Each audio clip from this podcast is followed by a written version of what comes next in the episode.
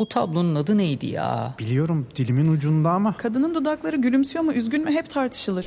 Sadece tablonun adı değil, etrafındaki çerçeve, bulunduğu müze, hakkında çıkan haberler, eserin sahibi ve daha birçok bilgi Samsung Galaxy S24 serisi ve Circle to Search ile dilinin ucunda değil, parmağının ucunda. Galaxy AI ile gelecek işte bu kadar kolay.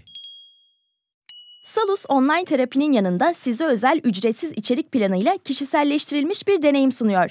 Siz de nefes ve farkındalık çalışmaları, meditasyonlar ve çeşitli egzersizlerden faydalanabilirsiniz. Değişim ve gelişim sürecinde hem fiziksel hem de mental sağlığınızı destekleyebilirsiniz. Kendi en iyinizi yaratmak için Salus uygulamasını indirin. Başlangıç 10 koduyla %10 indirimli kullanın. Herkes için çocuğu bir başkadır değil mi? Yaptığı en ufak hareket çok heyecanlandırır anne ve babayı. Herkes kendi çocuğunun akranlarından çok daha zeki, hatta üstün zekalı olduğunu düşünmeyi çok sever. Çok da beklendik bir davranıştır bu. Ama gelin size bir hikaye anlatayım. Sıra dışı bir atın hikayesini. Evet, bir atın. 19. yüzyılın sonlarında William von Osten isimli bir adam sahip olduğu atın üstün zekalı olduğunu iddia ediyordu.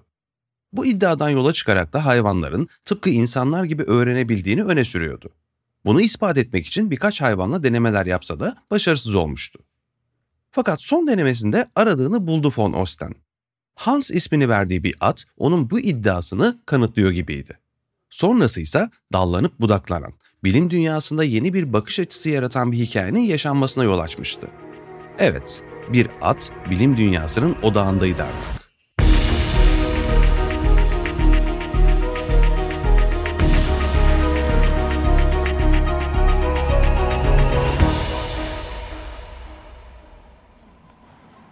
Clever Hans yani Zeki Hans olarak bilinen bu at kendisine sorulan soruların %90'ına doğru cevap veriyordu.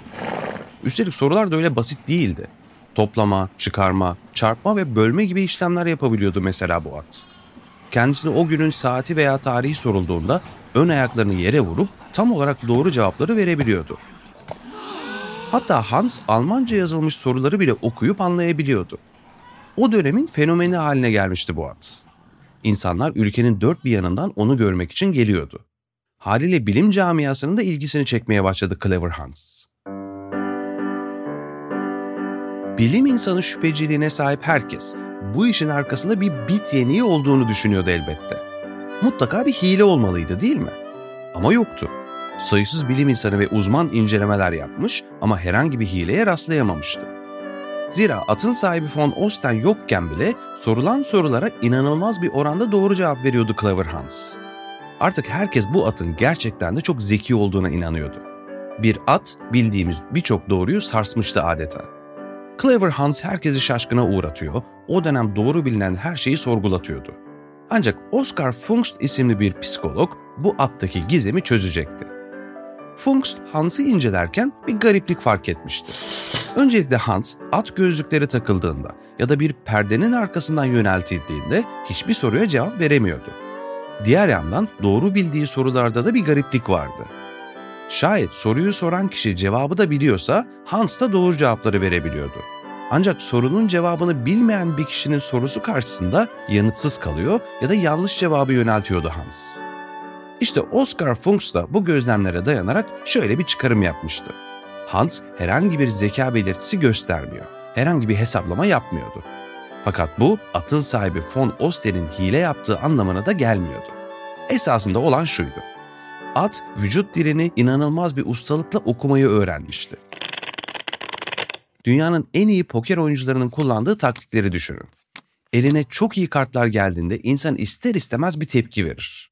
Poker suratı dediğimiz şey imkansızdır. Kartlarını gören her oyuncunun yüzünün herhangi bir kasında bir oynama olur mutlaka. O nedenledir ki milyon dolarlık poker oyunlarında masaya oturan her oyuncu şapka ve gözlük takar.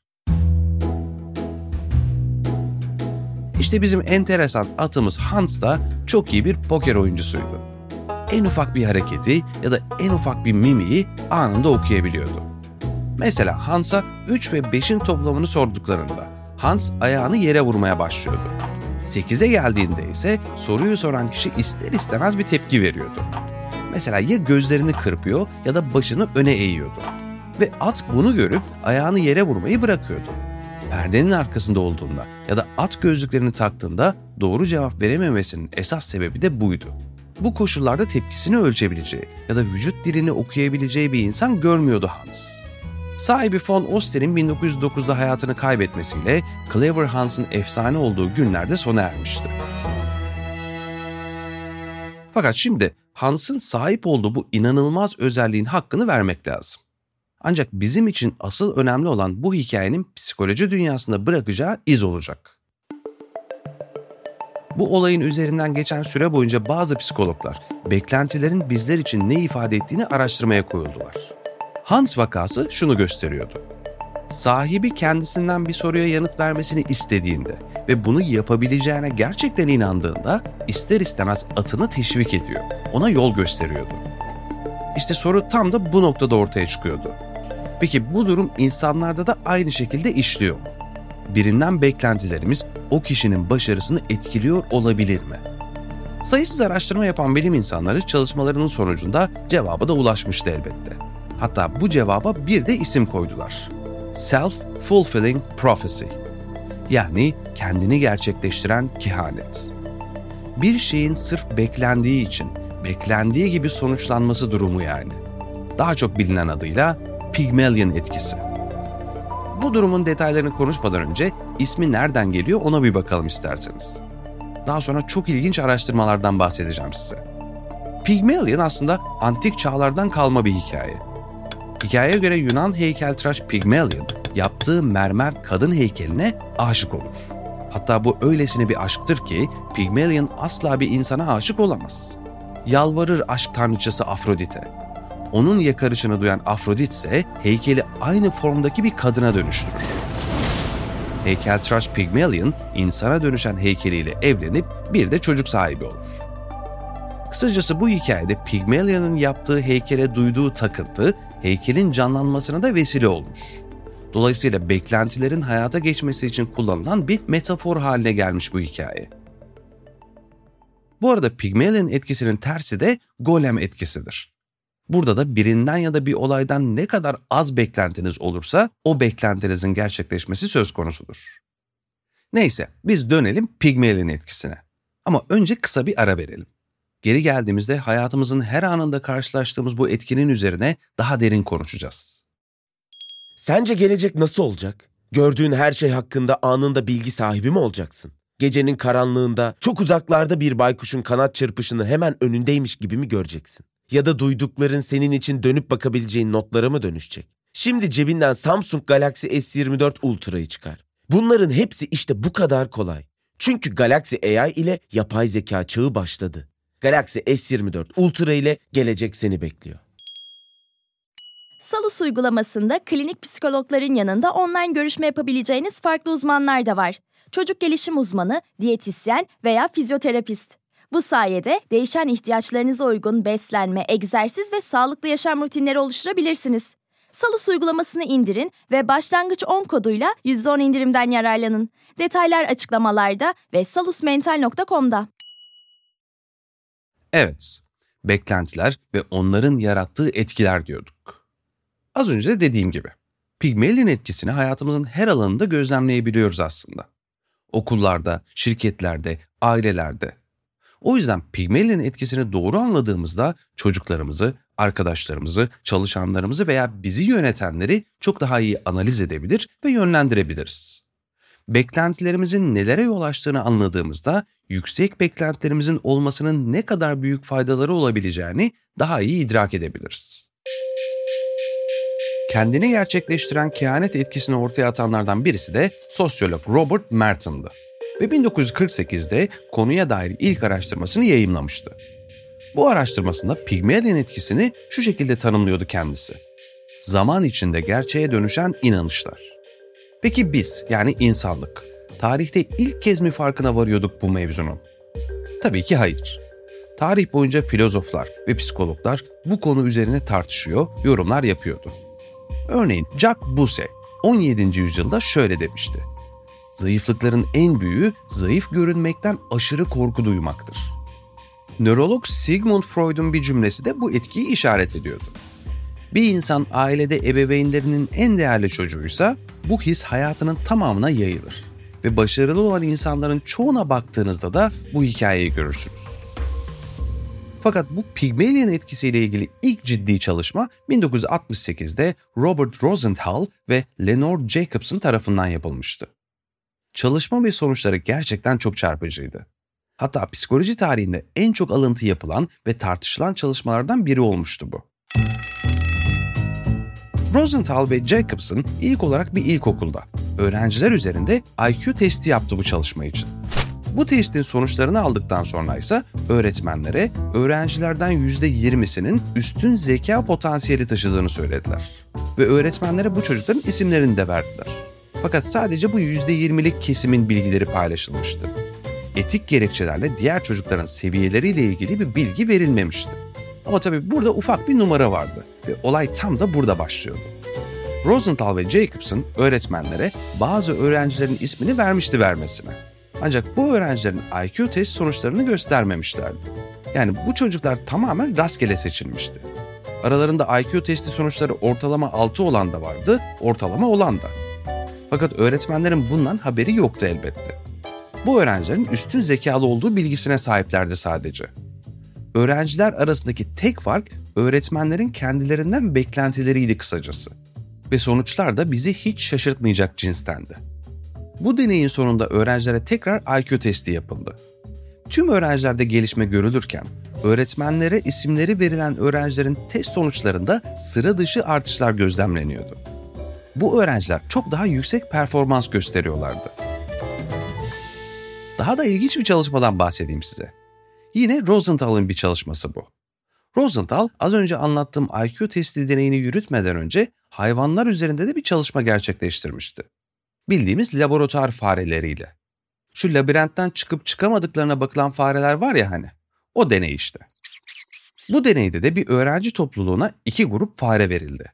Gruplardan birisinin çok yavaş öğrenen, diğer grubunsa çok daha hızlı öğrenen farelerden oluştuğu söylendi öğrencilere. Yine tahmin edeceğiniz gibi bu fareler tamamen rastgele seçilmişti. Öğrenciler bu farelerle ilgileniyor, onları koydukları labirentten çıkmaları için eğitmeye çalışıyordu. Sonuçta da öğrencilerin daha iyi olduğunu düşündüğü fareler bir süre sonra labirentten kolayca çıkabiliyordu. Diğerleri ise labirentte kaybolup duruyordu. Şimdi bunun nedenleri üzerine düşünelim birlikte. İlk anlattığım IQ testine dönelim. Zira bu çalışmanın çarpıcı sonuçlarıyla ilgili Rosenthal'ın gözlemleri de çok ilginç. Üstün zeka potansiyeli olduğu iddia edilen fakat aslında diğerlerinden farklı olmayan çocukların deney sonunda çok daha başarılı olmasının nedenleri üzerine şu çıkarımları yapmış kendisi.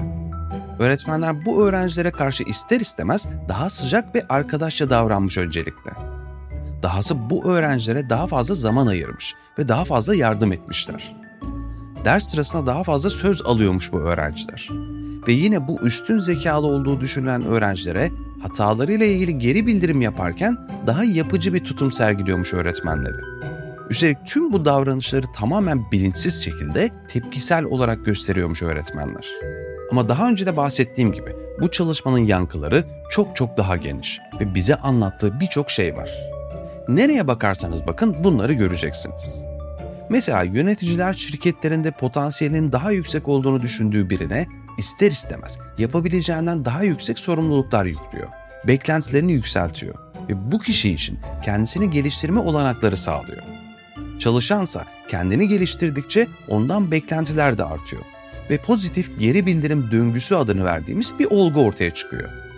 Bir insana daha iyisini yapabileceğini söylediğinizde o da potansiyelini zorluyor ve daha iyisini yapıyor. Elbette tam tersi de söz konusu burada.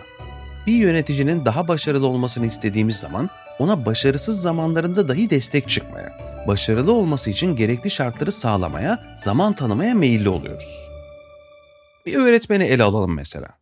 Sınıfında dersini ilgiyle dinleyen öğrencileri olan bir öğretmenin o öğrenciler için çok daha fazla çabaladığını görürsünüz. Öğrencilerin öğretmeninden beklentisi arttıkça öğretmenin de potansiyeli artar. Bir döngüdür bu her anlamda. Pozitif ya da negatif. Daha geniş çerçeveden baktığımızda ise tüm hayatımızı etkileyen bir döngüden bahsediyoruz. Pygmalion etkisi bize şunu gösteriyor. Gerçeklik sübjektiftir. Ve bu gerçekliği ailemiz, arkadaşlarımız, yöneticilerimiz ya da toplum manipüle edebilir. Başarılarımız, düşünce biçimimiz, davranışlarımız ve kendimizle ilgili algımızı çevremizdeki insanlar etkiliyor aslında. Birçok şey bu kişilerin bizden beklentilerine göre şekilleniyor. Elbette burada şunu da vurgulamak lazım. Pygmalion etkisi bize herkes her şeyi yapabilir demiyor. Fiziksel ya da zihinsel olarak yetersiz kişilerden aşırı yüksek beklentileriniz olduğunda o kişiyi strese sokabiliyor ve tamamen tersi bir etki yaratabiliyorsunuz. Mesela David Clarence McClelland ve John William Atkinson isimli araştırmacıların çalışmalarına göre bir durumda başarılı olma şansımızı %50'den az görüyorsak o işe girişmekten çekiliyoruz. Yani dozunda ve mantıklı beklentilerden bahsediyoruz burada. İşin özüne odaklanırsak, Pygmalion etkisi mistik bir durum ya da kişisel gelişim zırvalığı değil aslında. Birinin, çocuğumuzun, öğrencilerimizin ya da arkadaşlarımızın potansiyelini görebilir ve onlara yapabilecekleri şeyler konusunda destek olur ve yönlendirirsek, gerçek potansiyellerini yakalamalarına da olanak sağlayabiliriz. Carl Sagan'ın da söylediği gibi, Çocuklarımıza sunduğumuz hedefler geleceği şekillendirir. Bu hedeflerin ne olduğu çok önemlidir. Pozitif beklentiler kendini gerçekleştiren kehanetlere dönüşebilir. Yani hayaller birer harita gibidir. Size diyeceğim şu. Pygmalion etkisi gizli bir silah aslında. Çocuğunun daha başarılı olmasını kim istemez? Ya da çalışanlarının ya da yöneticilerinin. Etrafındaki insanların çok daha iyi işler yapmasını kim istemez ki?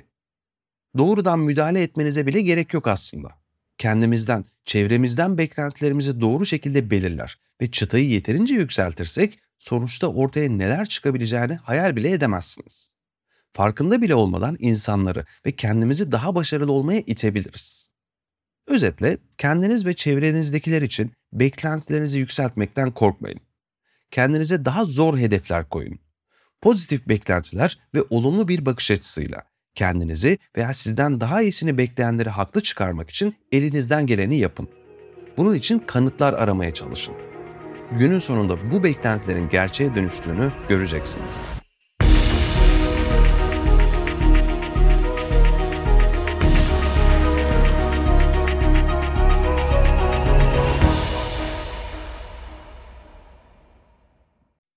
Boğa ve Venüs arasında 120 derece üçgen açılarla desteklenecek. Yeni ay ve devam eden süreçlerde tutumlarımız önem kazanacak. Özetle pozitif olun. Notlarını istediğin gibi özetleyen not asistanı Samsung Galaxy S24 serisinde. Galaxy AI ile gelecek işte bu kadar kolay. Salus yetkin psikologları ile terapiyi her yerden ulaşılabilir kılmaya devam ediyor. Yaşam tarzı değişiklikleri, adaptasyon sorunları, yalnızlıkla başa çıkma gibi konularda online terapi desteği için Salus uygulamasını indirin. Başlangıç 10 koduyla %10 indirimli kullanın.